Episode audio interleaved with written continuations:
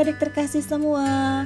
Kiranya adik-adik selalu diberi kesehatan, kasih sayang, dan berkat yang melimpah dari Tuhan.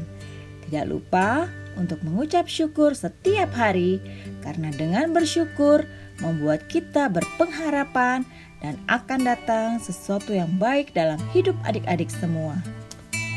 Renungan hari ini terambil dari Markus 14 ayat 32 sampai 38 dengan tema tidak ada yang mustahil bagi Tuhan. Semoga renungan ini dapat menjadi berkat bagi kita semua. Mari sama-sama kita dengarkan dengan penuh perhatian. Tante akan membacakan Markus 14 ayat 32 sampai 38.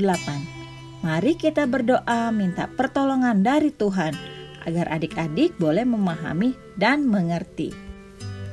Bapa di surga, kami mau membaca firman-Mu. Kami mohon penyertaan-Mu dalam merenungkan firman-Mu hari ini, agar kami bisa memahaminya dan melakukannya dalam hidup kami. Dalam nama Tuhan Yesus, amin. Di Taman Getsemani, Lalu sampailah Yesus dan murid-muridnya ke suatu tempat yang bernama Getsemani. Kata Yesus kepada murid-muridnya, "Duduklah di sini, sementara aku berdoa." Dan ia membawa Petrus, Yakobus, dan Yohanes sertanya. Ia sangat takut dan gentar. Lalu katanya kepada mereka, "Hatiku sangat sedih, seperti mau mati rasanya. Tinggallah di sini dan berjaga-jagalah.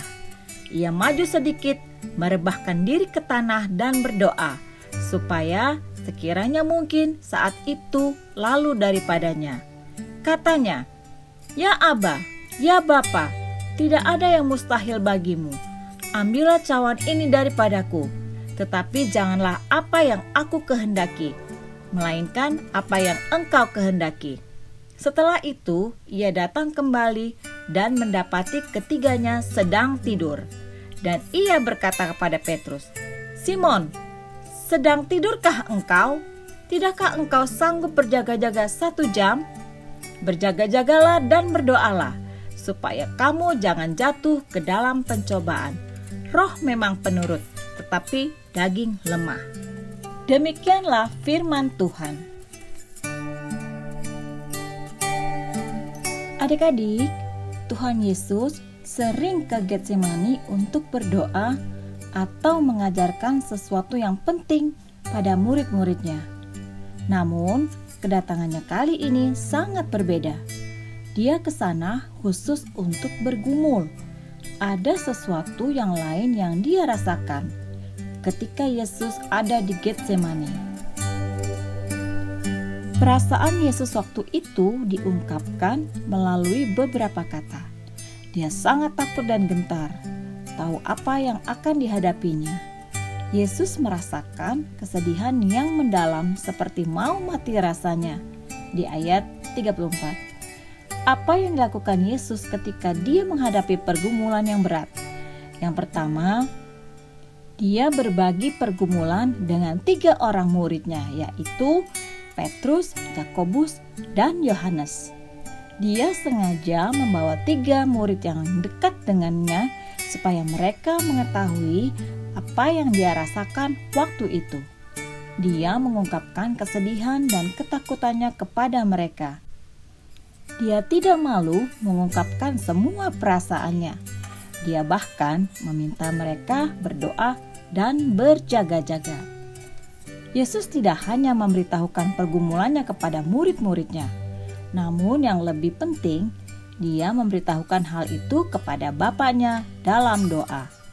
Hal ini mengajarkan pentingnya doa pribadi kepada Tuhan. Ketika Yesus berdoa, merebahkan diri, yang berarti melemparkan diri ke bawah. Dalam tradisi orang Yahudi, posisi doa seperti ini biasanya menunjukkan penderitaan yang luar biasa. Setelah Yesus selesai berdoa, dia kembali kepada murid-muridnya dan mendapati mereka sedang tertidur. Yesus lalu menegur Simon Petrus. karena tidak sanggup berjaga-jaga selama satu jam. Teguran ini mungkin dimaksudkan Yesus sebagai penegasan terhadap kegagalan Petrus dalam mengikut Yesus. Jangankan memberikan hidupnya untuk Yesus, berjaga-jaga satu jam pun Petrus ternyata tidak sanggup. Adik-adik, doa Tuhan Yesus di Taman Getsemani merupakan teladan bagi orang percaya untuk dengan sepenuh hati mengandalkan Tuhan dalam hidupnya.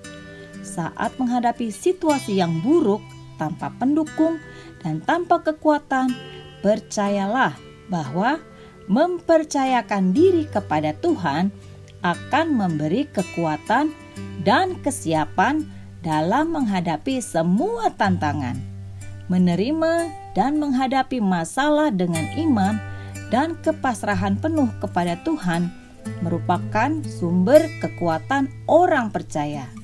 Tuhan Yesus percaya bahwa Tuhan Allah berkuasa menjawab segala doa dan harapannya. Tuhan Yesus tetap mau taat pada rencana Bapaknya. Terkadang manusia ketika menghadapi pergumulan hidup yang berat cenderung lari dari masalah dan berusaha mencari jalan keluar sendiri, lalu marah, menyalahkan keadaan dan orang lain, bahkan menyalahkan Tuhan. Yesus memberikan satu teladan, yaitu ketika dalam pergumulan yang berat, ia segera bersimpuh untuk berdoa dan belajar untuk mengerti apa yang menjadi kehendak Bapaknya. Itulah yang membuat Yesus tetap kuat menanggungnya dan dengan penuh kerelaan hati menjalani prosesnya. Adik-adik, marilah kita selalu membawa segala harapan kita kepada Tuhan dalam doa kepadanya dan kita percaya tidak ada yang mustahil bagi Tuhan. Ia berkuasa menolong kita dalam menghadapi kesulitan kita. Mari kita ucapkan bersama-sama. Aku percaya tidak ada yang mustahil bagi Tuhan. Mari kita berdoa. Bapa di surga, kami bersyukur Tuhan selalu menolong kami Ajar kami selalu berdoa dan menyerahkan segala kesulitan dan ketakutan kami dalam kuasa Tuhan. Terima kasih ya Tuhan, dalam nama Tuhan Yesus. Amin.